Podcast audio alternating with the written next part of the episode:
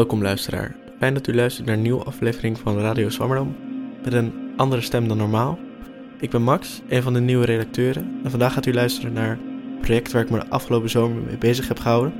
Voor het ondersprogramma van psychobiologie en biomedische wetenschappen. Veel luisterplezier. Hoi, wij zijn Isabel Barnet en Max Waterreus en je luistert naar Slim, Slimmer, Slimst. Een podcast van het Future Science Project over de toekomst van de mentale geest. In samenwerking met Radio Zwammerdam en de Universiteit van Amsterdam. Humans are curious and they like to add things to their bodies so that they can go to the Alps one day and then become a fish in the sea the next. Sinds het begin van de mensheid streven we voortdurend naar verbetering. Met nieuwe technieken blijven we onszelf innoveren. Maar waar ligt hier de grens? But now what we're looking at is not an extension of the physical self, but an extension of the mental self. Studenten en middelbare scholieren maken nog wel eens gebruik van smart drugs als het ADHD-medicijn Ritalin. Ze hopen dat ze daarmee productiever worden of examens beter maken. So you know what? It feels really good to have a brain that works, especially as you age. To everyone ene kant denk ik zelf ook zoiets van ja, je moet niet te veel aan jezelf en aan de mens willen veranderen. But from him who has not, even what he has will be taken away. En aan de andere kant, als je de mogelijkheid hebt, waarom ook eigenlijk niet? Aangeschoven zijn neurofilosoof Linde van Schuppen, medisch ethicus Marcel Zuiderland en sport- en prestatiepsycholoog Gerald Weltevreden. Laten we beginnen met jou, Marcel. Kan je even kort vertellen waar je nu mee bezig bent? Ja, ik ben eh, Marcel Zuiderland en ik werk eh, bij het Amsterdam UMC, locatie VUMC, bij de afdeling Ethiek, Recht en Humaniora. En daarin eh, geef ik vooral veel onderwijs, medische ethiek, eigenlijk vanaf de bachelor tot en met de master, tot en met artsen in opleiding tot specialist. Ja, wat we doen is vooral veel casuïstiekbespreking. Eh, daarnaast heb ik nog wel een specialisatie, eh, de ethiek van de reproductieve geneeskunde. Ik hou me bijzonder bezig met vraagstukken rondom dragerschapsscreening, prenatale screening. En als je het over prenatale screening hebt, dan heb je het ook wel over het afbreken van een eh, zwangerschap. Dus ik ben ook thuis in het abortusvraagstuk. En ik hou me, vandaar dat ik hier zit, ook wel bezig met het thema mensverbetering. Dus mag je knutselen, sleutelen aan embryo's om er betere exemplaren van te maken dan eh, oorspronkelijk gegeven. Ja, heel interessant, dankjewel. En eh, laten we even beginnen, want wat zie jij eh, persoonlijk onder cognitieve verbetering? Ja, ehm, je vraagt specifiek naar cognitieve verbetering. Ik hou me wel bezig met überhaupt het thema mensverbetering. En dan onderscheid ik altijd de vier M'en.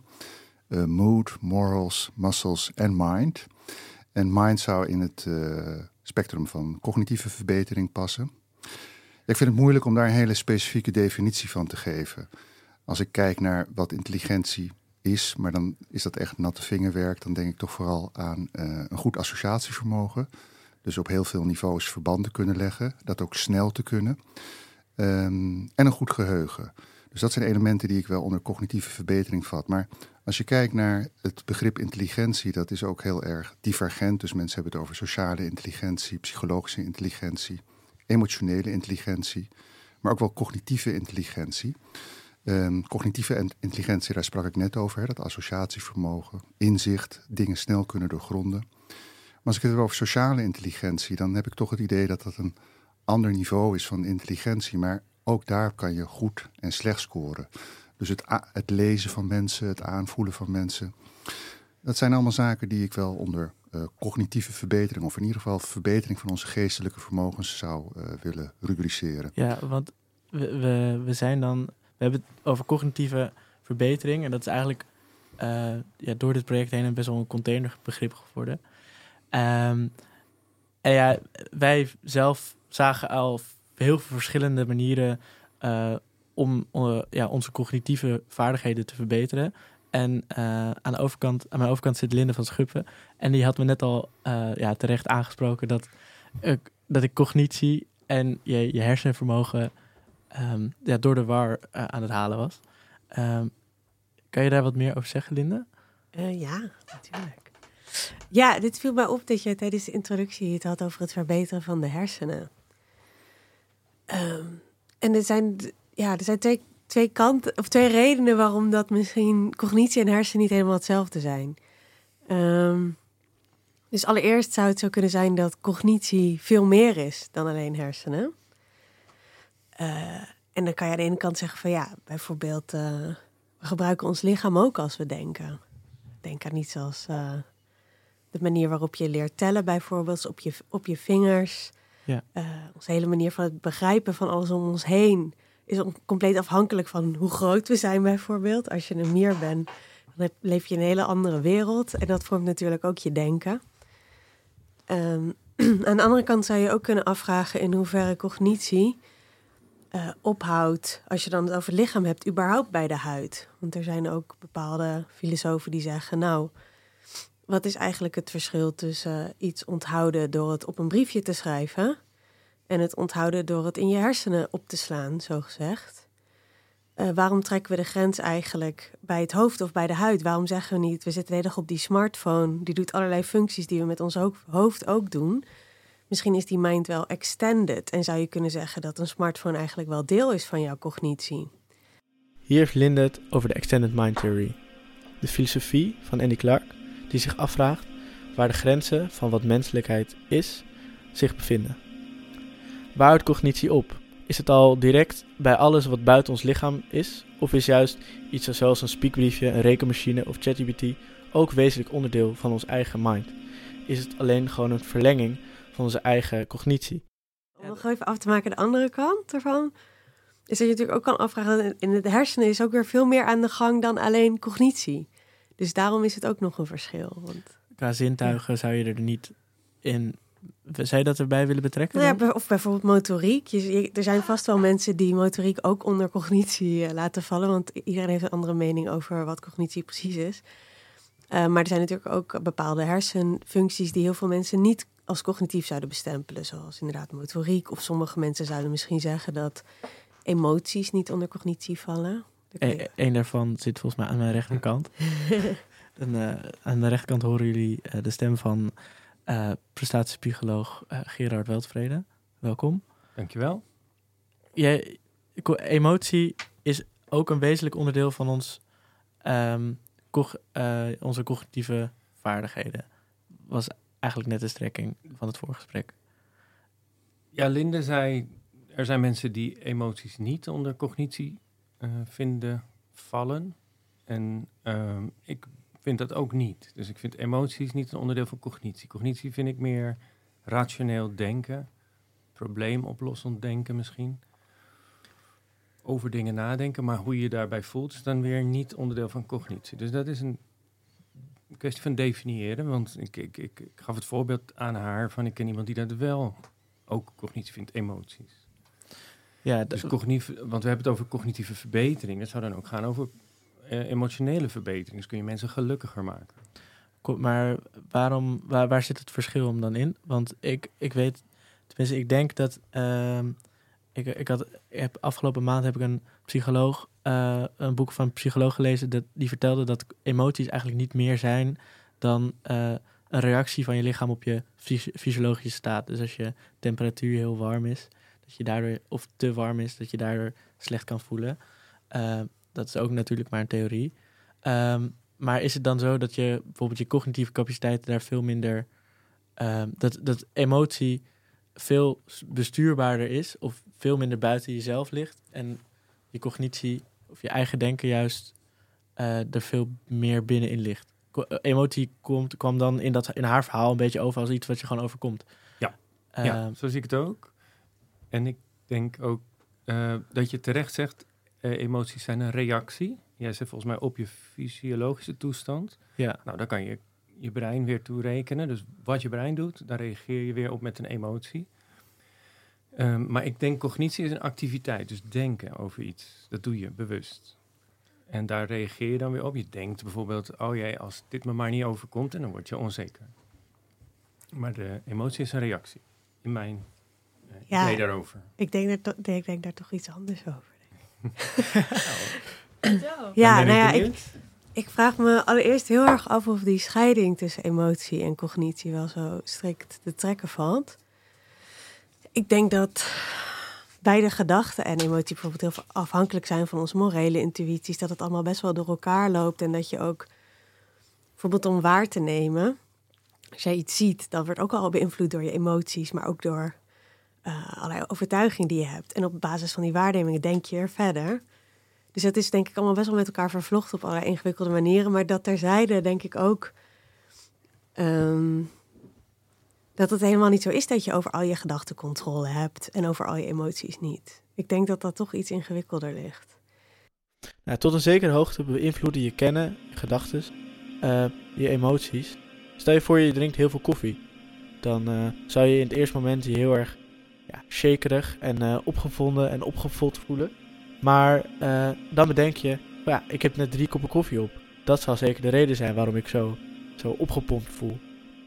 Dat is, dan zal je je meteen een stuk relaxter en uh, kalmer voelen. Dat zal een heel, heel erg effect uitmaken. Dus op, op de uiteindelijke staat van je emotie. Terwijl het niks uitmaakt op je fysiologische staat van je zijn. Maar goed, wat zegt nou dat jij denkt dat je koffie hebt, jouw kennen, over het daadwerkelijke gevoel dat erbij komt kijken? Het hoeft natuurlijk helemaal niet de koffie zijn die um, de oorzaak is van het opgepompte gevoel. Heel vaak heb je ook dat je juist koffie drinkt en daardoor denkt dat je nu heel erg opgewonden moet zijn. Terwijl er misschien helemaal niet zoveel cafeïne in zit als je eigenlijk denkt. Kennen en voelen zullen dus nog steeds een beetje door elkaar heen moeten lopen. En het ligt toch allemaal wat ingewikkelder.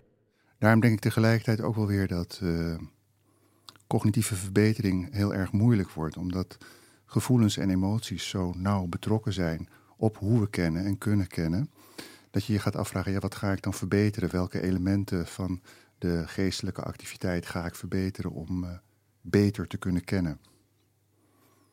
Om, omdat je eigenlijk uh, in eerste instantie de emoties zou willen eh, het goed kunnen nadenken is eigenlijk gewoon een uh, verkapte manier om je emoties te kunnen beïnvloeden. Nou, kijk, als je dat zegt, dan ga je toch weer uit van een hele strikte scheiding tussen die twee.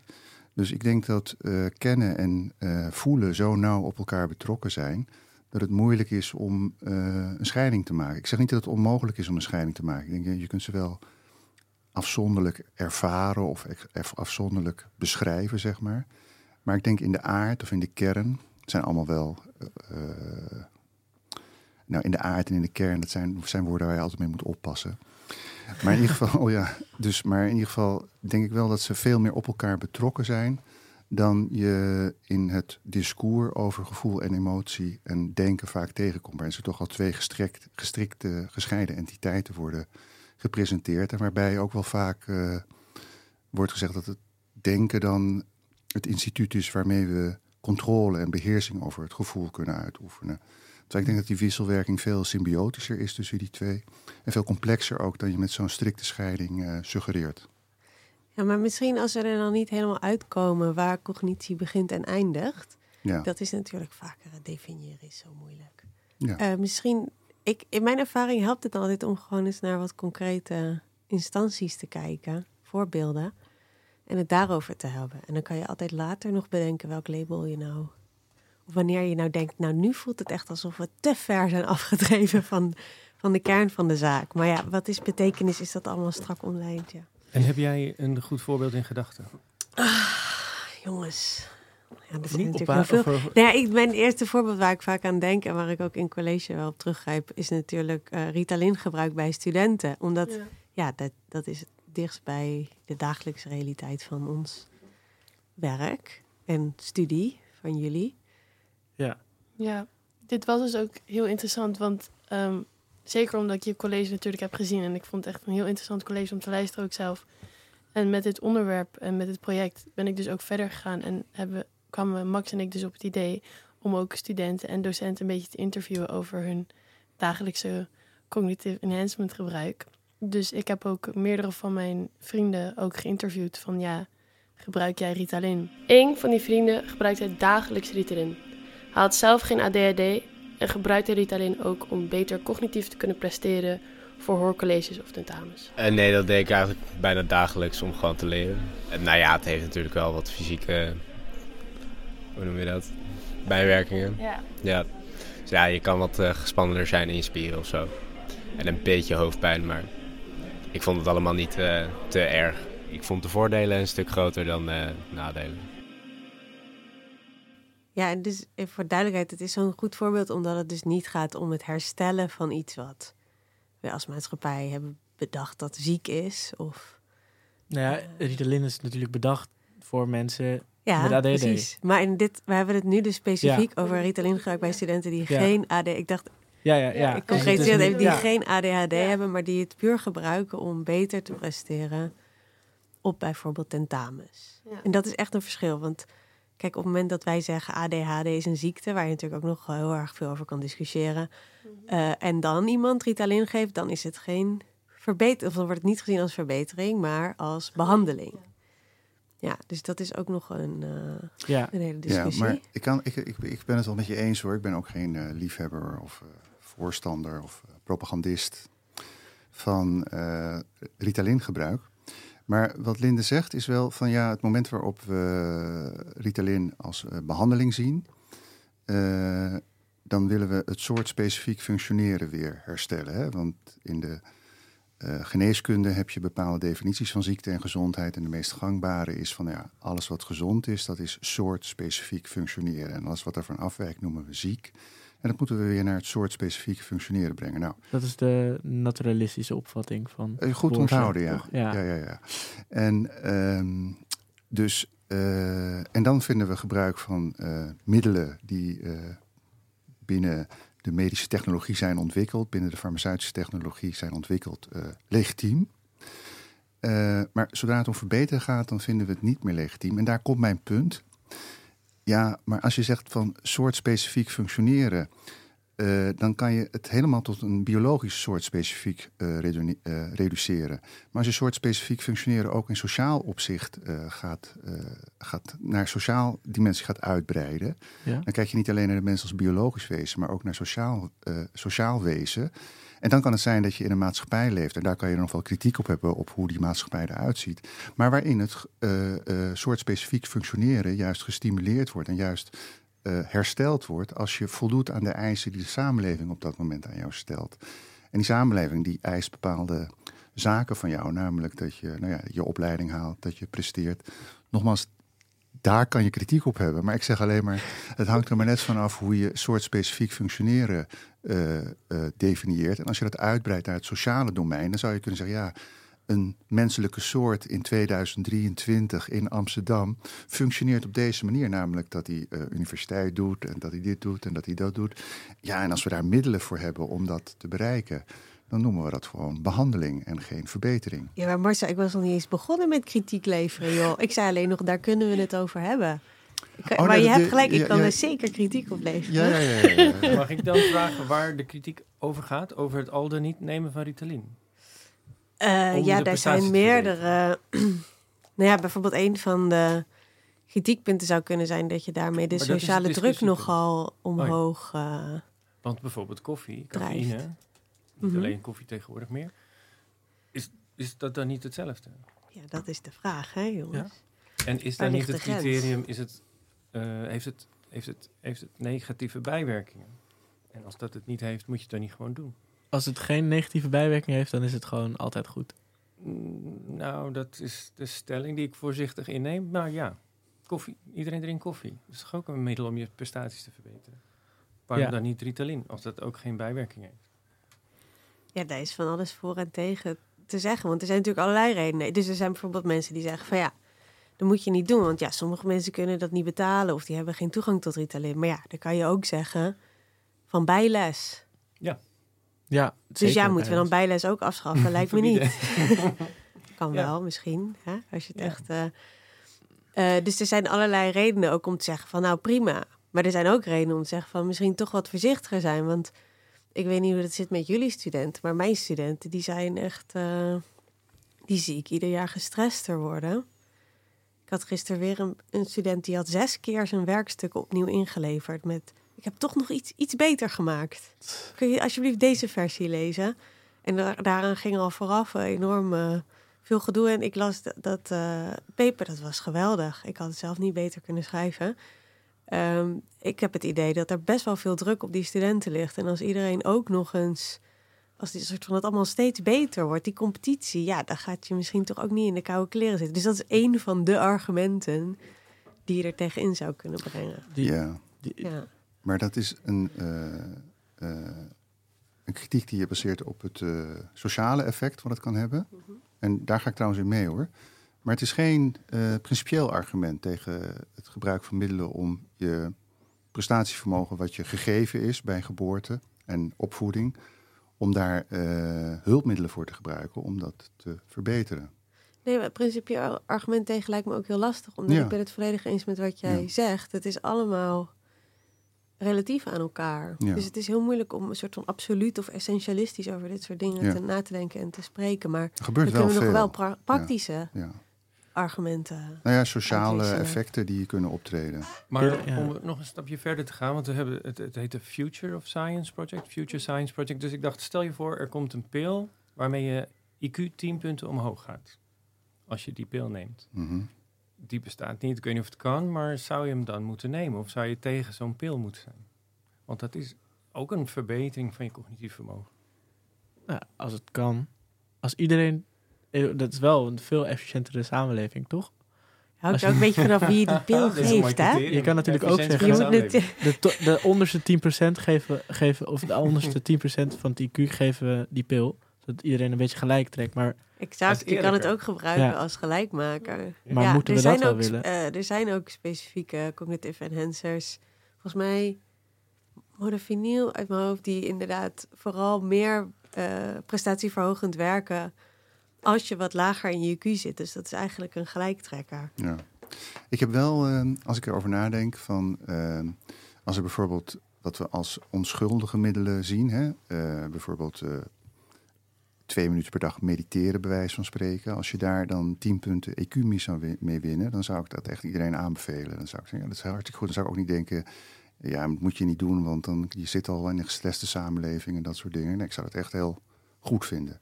Maar als ik dan weer denk aan dat je iedere dag pillen moet slikken en een hele samenleving aan de pillen. Dus zeg maar dat eh 14 miljoen Nederlanders pillen slikken om 10 punten IQ erbij. Daar, daar word ik dan heel ongemakkelijk van. En dat kan ik niet zo goed onderbouwen, maar daar er zit wel een soort verschil in wat ik nog zeg maar binnen, binnen de menselijke conditie vind, vind, vind passen en niet meer. En dan vind ik zeg maar iedere dag pillen slikken met een hele samenleving. Daar word ik toch echt, sorry, ongemakkelijk van. Ik kan het niet goed onderbouwen, maar daar, daar, ik trek dan wel een grens of zo. Ik denk dat pillen eigenlijk al een heel groot onderdeel zijn van ons normaal dagelijks leven als mens. De een slikt een vitaminepil in de ochtend om zich gezonder te laten voelen en ook te laten zijn. Terwijl de ander in de avond bijvoorbeeld een ecstasy-pilletje slikt om het zogenaamd gezelliger te hebben. Zo, we zien dat het al in heel veel vormen voorkomt, maar dat het ook voor heel veel dingen ook gebruiken en dat het ook steeds meer normaler wordt. Maar het gekke is, ik dacht eigenlijk aan een pil die je eenmalig neemt. En dat het ook Oh ja, on- ja, onomkeerbaar ja, is. ja, ja, ja. Ja, maar hier zit iets eh, interessants. ja, want ja, we hebben ook vaak het idee dat als je ergens moeite voor doet, dat het dan terechter is als je daar iets mee bereikt. Ja. Dan als je daar geen moeite voor doet. Het is natuurlijk ook een soort van irritant, hè? Als je dan heel hard werkt om slimmer te worden en de ander neemt een pilletje en dan is het ook gedaan. Dat maakt ook een soort van al ons... Het leven is natuurlijk een enorm gedoe. Het is zoveel gedoe en iedere dag is het meer gedoe. En als je klaar bent met de afwas, staat hij er morgen weer. En het idee dat je dit soort dingen op kan lossen met een pil, geeft me ook zo. Ik word gewoon helemaal een soort van fatalistisch van. Dat al dat gedoe eigenlijk voor niks is, omdat we het ook zouden kunnen oplossen Maar met is dat niet nu al aan de hand in de zin van... Het leven is al echt... Het leven is oneerlijk. Nee, maar Heel het oneerlijk. ding is, dat gedoe is niet erg die- als, het, als het geen alternatief heeft. Ja, We accepteren dat gedoe, maar op het moment dat we dat allemaal kunnen oplossen met een pil, waar zijn we dan nu allemaal nog mee Ja, bezig? maar dat is wel inderdaad, ik ben het wel met je eens hoor. Dat Als veel kritieken die ik lees op eh, human enhancement is wel van, ja, wat, wat, het, wat het mens zijn zijn waardigheid geeft, is juist die kwetsbaarheid. En eh, vanuit die kwetsbaarheid hebben we een enorme afhankelijkheid van elkaar. Eh, tegelijkertijd ook zeg maar de moeilijke balans tussen je eigen belang en het belang van de ander, wat altijd messy wordt of zoiets. En het moment waarop je door technologische vaardigheden en technologische middelen eh, eigenlijk onkwetsbaar wordt voor, voor het gedoe in het leven, dan lijkt er iets eh, kostbaars te verliezen. En als je ook kijkt naar de klassieke deugdethiek, en dat is wat Linde ook zei, van, dan moet er altijd iets overwonnen worden in wat je gegeven is. En het moment waarop we denken dat die overwinning niet meer te bereiken is, en misschien kan uh, Gerald daar ook over zeggen, omdat hij juist met topprestaties bezig is. Daar zit een heel sterk menselijk, heroïsch, mythologisch element in. En ik denk als we ons visualiseren dat we, zeg maar, die perfectie waar mensen nu heel veel moeite voor moeten doen, waar ze zeg maar hun hele wezen, hun hele ziel in moeten leggen, dat dat met een fix te, te realiseren is, dat stuit ons intuïtief enorm tegen de borst. Dat is wel.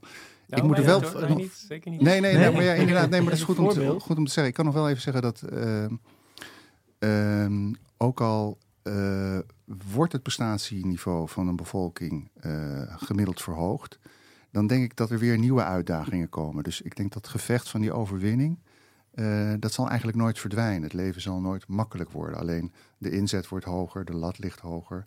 Ja, en als er geen eindpunt is in die lat, dan kan je je afvragen van ja, waarom zou je hem hoger leggen als die toch nooit op zijn hoogst kan komen.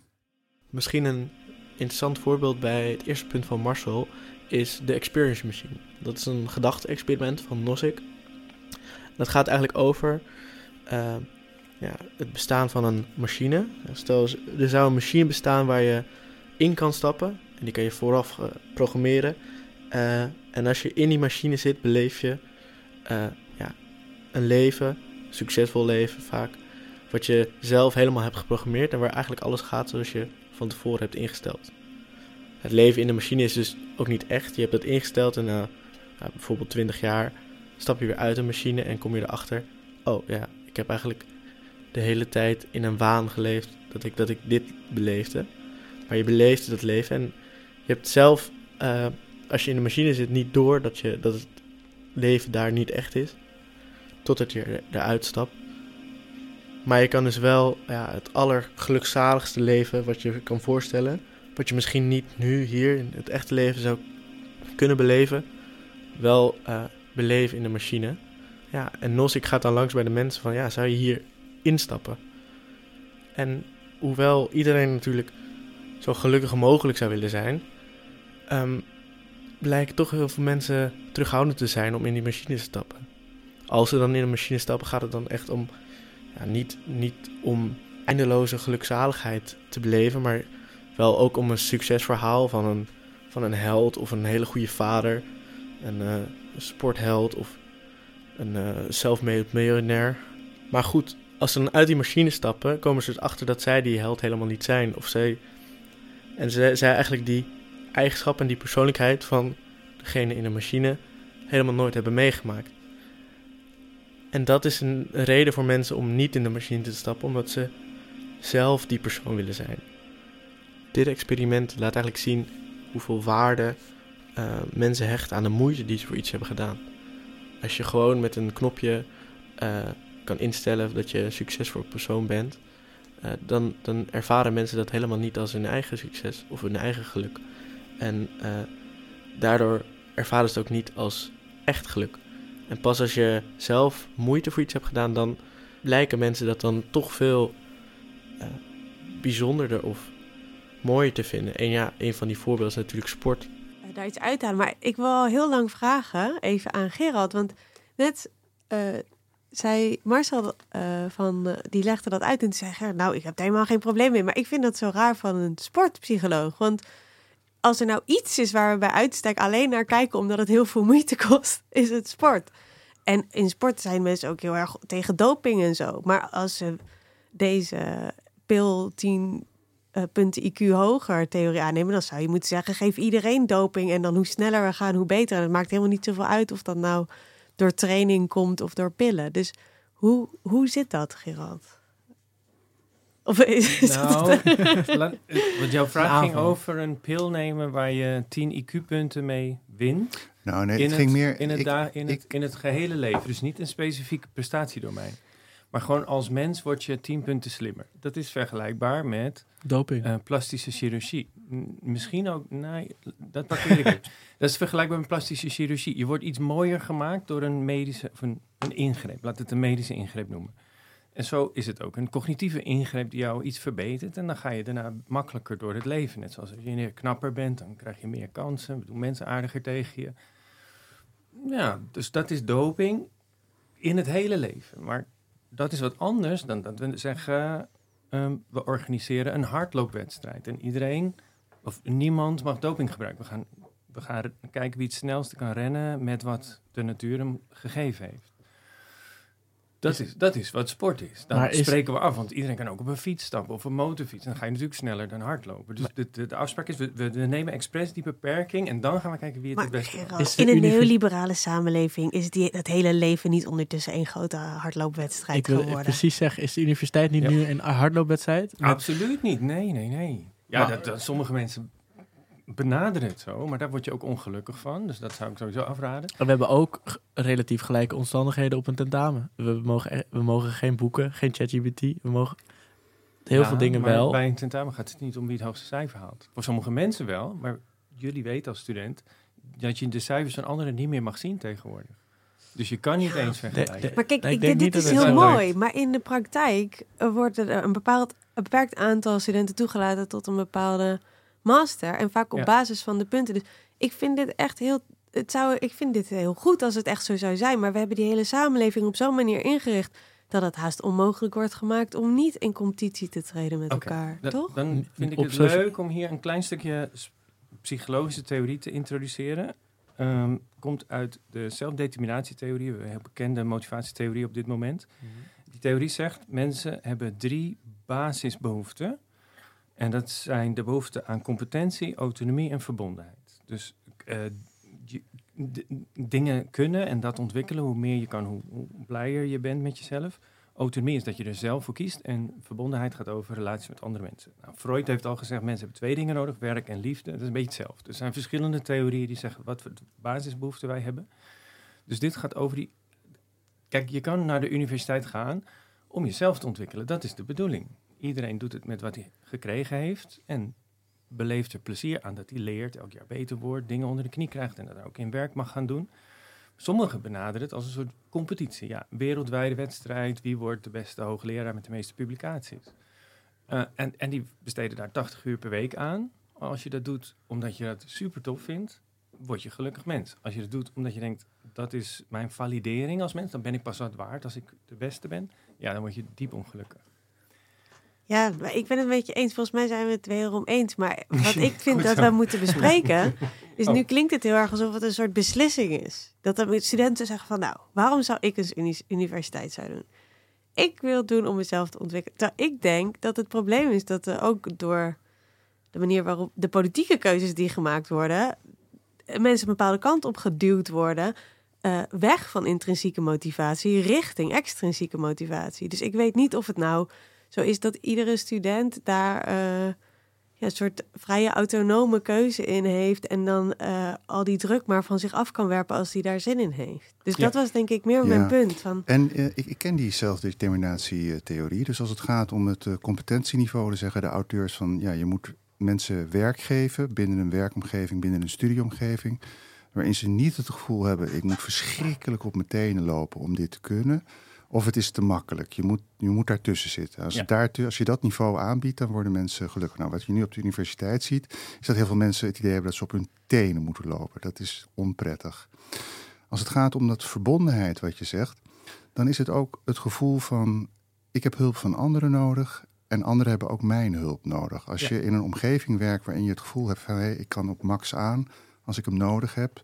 En ik weet ook dat Max weet dat hij van op mij aan kan. Dat geeft ook een goed gevoel. En daar zit denk ik ook weer dat element in. Het moment waarop een omgeving zo competitief is dat er eerder wantrouwen is dan vertrouwen, dan heb je een eh, ongezonde omgeving. Ehm, en je zou ook kunnen zeggen, het moment waarop de enhancementmiddelen zo voortreffelijk zijn dat je eigenlijk geen hulp meer nodig hebt, dan verdwijnt ook dat element van verbondenheid. Dus dat verwijst toch naar een bepaalde menselijke dimensie eh, die je kan opvoeren om een argument te formuleren van, nou ja, zouden we wel met al die en- enhancers eh, aan de slag moeten? ja, en andersom ook. Want announcers kunnen de omgeving dus ook competitiever maken. bedoel- want dat als jij wilde dat ik niet zeggen, ja. wil, ja, het, is, Ja. het zijn een soort van. Ofwel ze maken het helemaal niet meer competitief, dan heb je geen verbondenheid meer. Of ze maken het juist competitiever. En dan krijg je weer de op, op z'n tenen loop Ja. situatie. En dan is het, ja, je kan alles. En je, eh, je zou het allemaal kunnen, ook en dan desnoods via enhancers. maar jij moet het zelf willen. En dan misschien krijgen we dan hebben een beetje een verkeerd beeld van oh we kunnen een pil nemen en we hebben eh 10 IQ bij, maar eh, het is niet zo dat dat je alles zomaar kan en als je het niet doet dat het jouw schuld is. Ik denk dat dat juist doordat we denken dat het nog te veel denken dat het helemaal onze eigen fout is dat we eh, niet eh, naar Unie gaan of niet het hoogste cijfer halen of eh, alle fe en ondertussen alle feestjes meepakken en ondertussen ook nog hoog sporten en de, de- als we al- alleen maar denken dat het onze eigen fout is, dat versterkt het heel erg. En ik denk dat cognitieve enhancement daar alleen maar aan bijdraagt.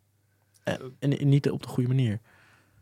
Ja, oké. Dat wordt als een schijnoplossing gezien. Maar eigenlijk is het verwachtingspatroon dat mensen, jonge mensen, alle mensen van hun leven hebben, is een beetje scheef gegroeid. Je ziet de hele tijd op social media hoe te gek je leven moet zijn. En als je dat niet hebt, dan ben je maar een sukkel. En die, eh, iedereen laat zien wat voor prachtige vakanties en, en dingen die doet. Ja, En om dat ook te hebben, ga je dan. het gaat ook over verantwoordelijkheid, denk ik. Eh, dus van nou, ehm wiens verantwoordelijkheid is het dat onze jonge mensen zich ontwikkelen op welke manier? Moeten die jonge mensen zelf vooral dingen aan zichzelf veranderen met pillen en hard studeren? Of zijn er ook dingen die bijvoorbeeld aan onderwijs zouden kunnen veranderen om mensen zich meer tot hun recht laten komen? Ik vind persoonlijk dat er best wat anders kan aan het onderwijs. Ik denk dat je vanaf jongs af aan al eh, dat hele onderwijs is ingericht op eh, extrinsieke motivatie. Dus dingen doen zodat je dan uiteindelijk een goed punt krijgt. Of uiteindelijk dat diploma. Eh, en dat is hopelijk wel een beetje aan het veranderen. Maar eh, ja, die kunnen we misschien beter sturen op wilsontwikkeling. Dus dat jonge mensen erachter komen wat ze echt willen weten, waar ze naartoe willen. En dan op basis daarvan. En als- ik nou zeg, bijvoorbeeld hele slimme mensen die lijden juist onder de zesjescultuur, die er misschien steeds minder is, omdat we elkaar een beetje aan het dood zijn gooien. Dan heb ik zesjes in de zin van ook elk feestje meepakken. Alles, die, die is er bijna niet meer. Van, oh ja, ik, het, ik, prima, ik ben goed genoeg zoals ik ben, is al best wel weg. Maar juist eh, in een klas, als je iedereen mee wil nemen, dan lijden misschien de, de slimste mensen er eh, aan, omdat het onderwijs is aangepast op de gemiddelde leerling. En dan, dat is, ik weet niet, een beetje kritiek. Ja, dat, beetje, dat is in het onderwijs ook altijd een dilemma. Dat noemen ze dan convergeren of divergeren. Dus ga je de kinderen die het moeilijkst meekomen extra aandacht geven, zodat iedereen op hetzelfde niveau komt? Of focus, geef je iedereen dezelfde hoeveelheid aandacht, zodat iedereen eh, ja, op, de- op, op dezelfde manier of dezelfde hoeveelheid eh, krijgt en daarmee kan doen wat hij zelf kan en wil? Ehm, Overigens eh, eh, eh, bedacht ik me wel net, we hebben het eigenlijk best veel over studenten en de universiteit en zo. Maar stel je voor, je bent iemand die met moeite gewoon de, in de lagere schoolklas al merkt van... hé, hey, maar het kost mij veel meer moeite dan andere leerlingen. En die gaan uiteindelijk naar de universiteit. Zou je dan niet fijn een pil willen, waardoor het een stukje makkelijker werd voor jou? Waardoor je het ook een keertje in één keer begreep. Of in één keer onthield als je het gelezen had. Die mensen zijn natuurlijk ook. En die zouden die pil wel willen. Ja, die zouden die ook wel willen, denk ik. Maar ik denk zeker in deze samenleving dat er eigenlijk zo erg wordt gehamerd op van je moet ehm, goed presteren en je moet dat goed kunnen. En daardoor krijgen die kinderen misschien in de lagere school al ook gelijk meest van oh, die mensen doen het goed, ik moet dat ook goed kunnen. Waarom doe ik dat niet? En ik vind eigenlijk dat er juist meer een accepterende cultuur moet zijn tegenover de kinderen die het juist minder goed kunnen. Want nu in Nederland hebben we meer dan ooit echt praktische mensen nodig in, in de zorg of waar dan ook. Want we hebben al genoeg advocaten, we hebben genoeg psychologen, we hebben genoeg mensen in het hoger onderwijs. En ik denk dat er een iets meer opene cultuur moet komen voor Maar ik vind het wel Ja. altijd grappig om over na te denken. Want we hebben het nu over cognitive enhancement. Ik noemde in het begin de vier M's. Hè? Dus eh, Mhm. mood, morals en eh, muscles. Maar stel dat er een pil is zijn, waarmee dat, je... zijn dat er vier? Ja, mind. Oh, mind. Ja, mind. mind. Omdat we mind sloeg ik over omdat we het daarover hebben. Mhm. Dus eh, maar als je het over moral enhancement hebt, stel dat er inderdaad een pil is waarmee je juist dat enorme aanvaardings- en acceptatievermogen krijgt. Waarin je inderdaad inziet, ja, waar, hebben we, waar zijn we met z'n allen mee bezig met die red race? Iedereen is gelijk, iedereen op zijn niveau mag zich ontwikkelen. Ik, mag, ik maak daar ruimte voor. Ik ben net als Jezus Christus een en al overgave. Ik accepteer iedereen. Ik zie in iedereen, Ik zie in iedereen zijn ziel, hoe uniek die is, onafhankelijk van. Stel er een pil is die je dat, zeg maar, christelijk vermogen geeft, om dat altruïsme heel spontaan en, en vanzelfsprekend te voelen. Eh, zou je dat dan doen? Da- dat vind ik een moeilijke vraag. Zeg maar, want we hebben het, Is dat als het gaat om ka- karakter enhancement, hè, moral enhancement, wat, Ja. wat zou je dat dan doen? Ja, Ik denk dat het ook een beetje, net als die experience machine, ik, ik kan wel allemaal pillen in me stoppen, waardoor ik me opeens heel erg... eh, stel, stel, ik haat voetbal en Ja. ik zou een pil nemen en dan opeens ben ik, vind ik voetbal geweldig en dan ben ik helemaal fan van een club. ja. Totdat die pil is uitgewerkt, dan ben ik toch nooit een echte fan of een... Ja, ik weet niet. Dan Dit gaat is het toch over nep. identiteit, Dat hè? wou ik Dit- net zeggen, ja. Ja. Ja. Sorry, wat zeg jij maar, Marcel? Hè, wat? Jij dit Oh vertellen? nee, nee, nee, ik, ik, ik kom je tegemoet. Je- Ja. We, zitten, we zitten op dezelfde Ja, lijn, dus wil dit ik gaat, dit, zeggen. en dit gaat daarmee, het gaat over identiteit. Ja, ja. En grappig genoeg gaat het daarmee ook over vrijheid. Ja. Eh, dus het idee dat een vrije keuze die keuze is die in lijn ligt met jouw karakter, wat je wil, wie je bent. Wat ervoor zorgt dat jij Max bent, bijvoorbeeld. Als je daaraan gaat morrelen, dat voelt ook niet helemaal goed. Dus, ah bijvoorbeeld, mijn moeder is een hele woeste vrouw. Die is niet zo. eh, Die luistert er toch niet naar. Dat is niet een Ah, hele het- ik vind het een altruïstische vrouw. eh, maar ik ben toch heel Ja. gek op haar. Het is wie Ja. ze is. En ja, Ja. daar houdt ze misschien niet zo van andere mensen, maar ik zou toch niet willen dat ze zou veranderen. Het zou ook verschrikkelijk zijn als we een samenleving hebben dat we allemaal pillen slikken, waardoor we allemaal Jongens, super gezellige... 17 miljoen Jezusen in Nederland. Dat Wat een, Wat een wat hel. een hel. een samenleving met 17 miljoen Jezusen. Dat, eh, als je dat zo voorstelt, dan dat doet mij denken aan eh, de analogie die eh, mijn Nederlandse docent ooit een keer heeft verteld over een salade. Dat je de samenleving eigenlijk als een eh, salade zou moeten voorstellen met individueel een tomaat, een sla, een stukje kaas misschien. Eh, en juist die mengelmoes van die stukken maakt het zo interessant. Een tomaat heeft misschien textuur die tegenvalt, maar is in ieder geval wat smaakvoller dan de neutrale smaak van de sla. En juist die combinatie die je elke hap krijgt, maakt de salade zo interessant. Los zijn die onderdelen misschien niet zo interessant, eh, of het uiterste, maar eh, als je een salade in een blender zou stoppen eh, en elke hap een soort homogene pap zou zijn, waar, waar je elke hap hetzelfde zou beleven, ja, dat zou helemaal niet meer interessant zijn. Juist die combinatie van elke hap, de goede en slechte eigenschappen van elk stukje, maakt het zo specia- speciaal. En zo zou je een samenleving eigenlijk ook moeten voorstellen, denk ik. Ehm, verschillende onderdelen van de mens. Ja, iedereen heeft in zijn persoonlijkheid goede en slechte eigenschappen. En eh, juist die combinatie en de unieke combinatie van iedereen, dat maakt het heel erg leuk. Als iedereen dezelfde eigenschappen zou hebben, dezelfde gezellige persoonlijkheid, ja, dat, dat, als je dat zo voorstelt, dan zou je dat misschien helemaal niet moeten willen. Het is natuurlijk een hele oude discussie over wat is de aard van de mens. Zijn we eigenlijk goed of eigenlijk slecht? Waarschijnlijk allebei niet. Hè? Waarschijnlijk ligt in het midden. Maar het enige Ja. wat we wel weten is dat we heel sociaal zijn en dat we empathie voelen.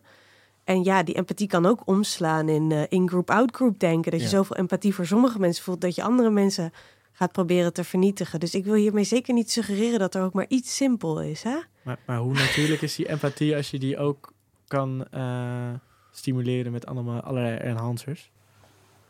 Als je, Ja, dat hangt dan weer vanaf wat je onder natuurlijk verstaat. Want... ap- apathie kan je onderdrukken met verschillende technieken en ook met medicatie. Ehm, ik denk dat we dan heel erg onderschatten hoe eh, autonoom we zelf zijn.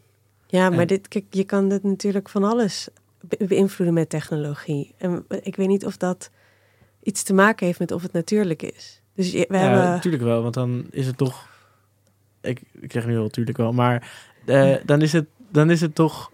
Ehm, dan, dan ben je het niet zelf die die keuze maakt om heel erg sociaal te gaan doen. Dan is dat gemaakt, vanuit de samenleving gemaakt. Eh, dat, Ja, ja, op het moment dat je die dan is het iets enhancers gemaakt. Dan- Dan is geeft, het niet meer natuurlijk. was het niet meer in jou. Maar dat betekent niet dat het voordat je de enhancers geeft niet deel is van je natuur. Maar Kijk- er zijn geen mensen meer zonder enhancers, denk ik, als je het heel breed trekt. Hè, hoe bedoel Wacht je? even, Eh, nu volg ik koffie, iedereen gebruikt koffie. Oh, maar, Maar- ik, Oh. ik dacht... Het punt dat ik hier eigenlijk wilde maken was dat, er, dat we op zoveel manieren ons eh, cognitieve zelf eh, beïnvloeden. Met, ja, met de telefoon of met ChatGPT. Dat er eh, al helemaal geen clean persoon meer is. Of natuurlijk, als, als dat nog bestaat. En dat we eigenlijk het zouden moeten zien als een onderdeel van onszelf. En dat we dat misschien nog verdere uitbreiding van die cognitieve uh, ontwikkelingstechnieken, help, hulpmiddelen, zou je eigenlijk moeten zeggen, ehm, dat het misschien helemaal niet zo eng is als het lijkt, omdat we het al op grote schaal doen met bijvoorbeeld koffie voor onze concentratie, uh, en, maar ook ChatGPT, telefoon, autocorrectie. Concluderend zou ik dan ook willen teruggrijpen naar de theorie van Andy Clark, de Extended Mind Theory. Uh, omdat we toch wel, uh, denk ik, kunnen zeggen dat we op zoveel manieren al externe hulpmiddelen gebruiken.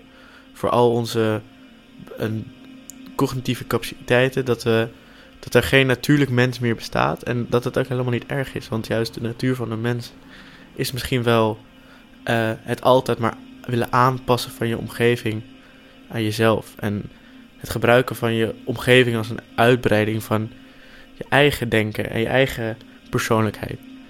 Uh, en op die grond zou misschien cognitive enhancement helemaal niet zo eng moeten zijn als het lijkt. En dan wil ik u graag bedanken voor het luisteren. Uh, in november zijn uh, we te horen in de podcast Slim, Slimmer, Slims. Die zal dan online gaan op verschillende podcastkanalen. Net zoals deze aflevering terug is te luisteren op Apple, Soundcloud, Apple Podcast en vele andere. En dan rest me nog alleen Radio Zwammerdam zelf te bedanken. Voordat ik in de redactie zat, kregen we al de mogelijkheid om uh, deze uitzending te maken. En dat is nu gelukt. en dan wens ik u nog een hele fijne zondag. blijf luisteren en blijf enhancen.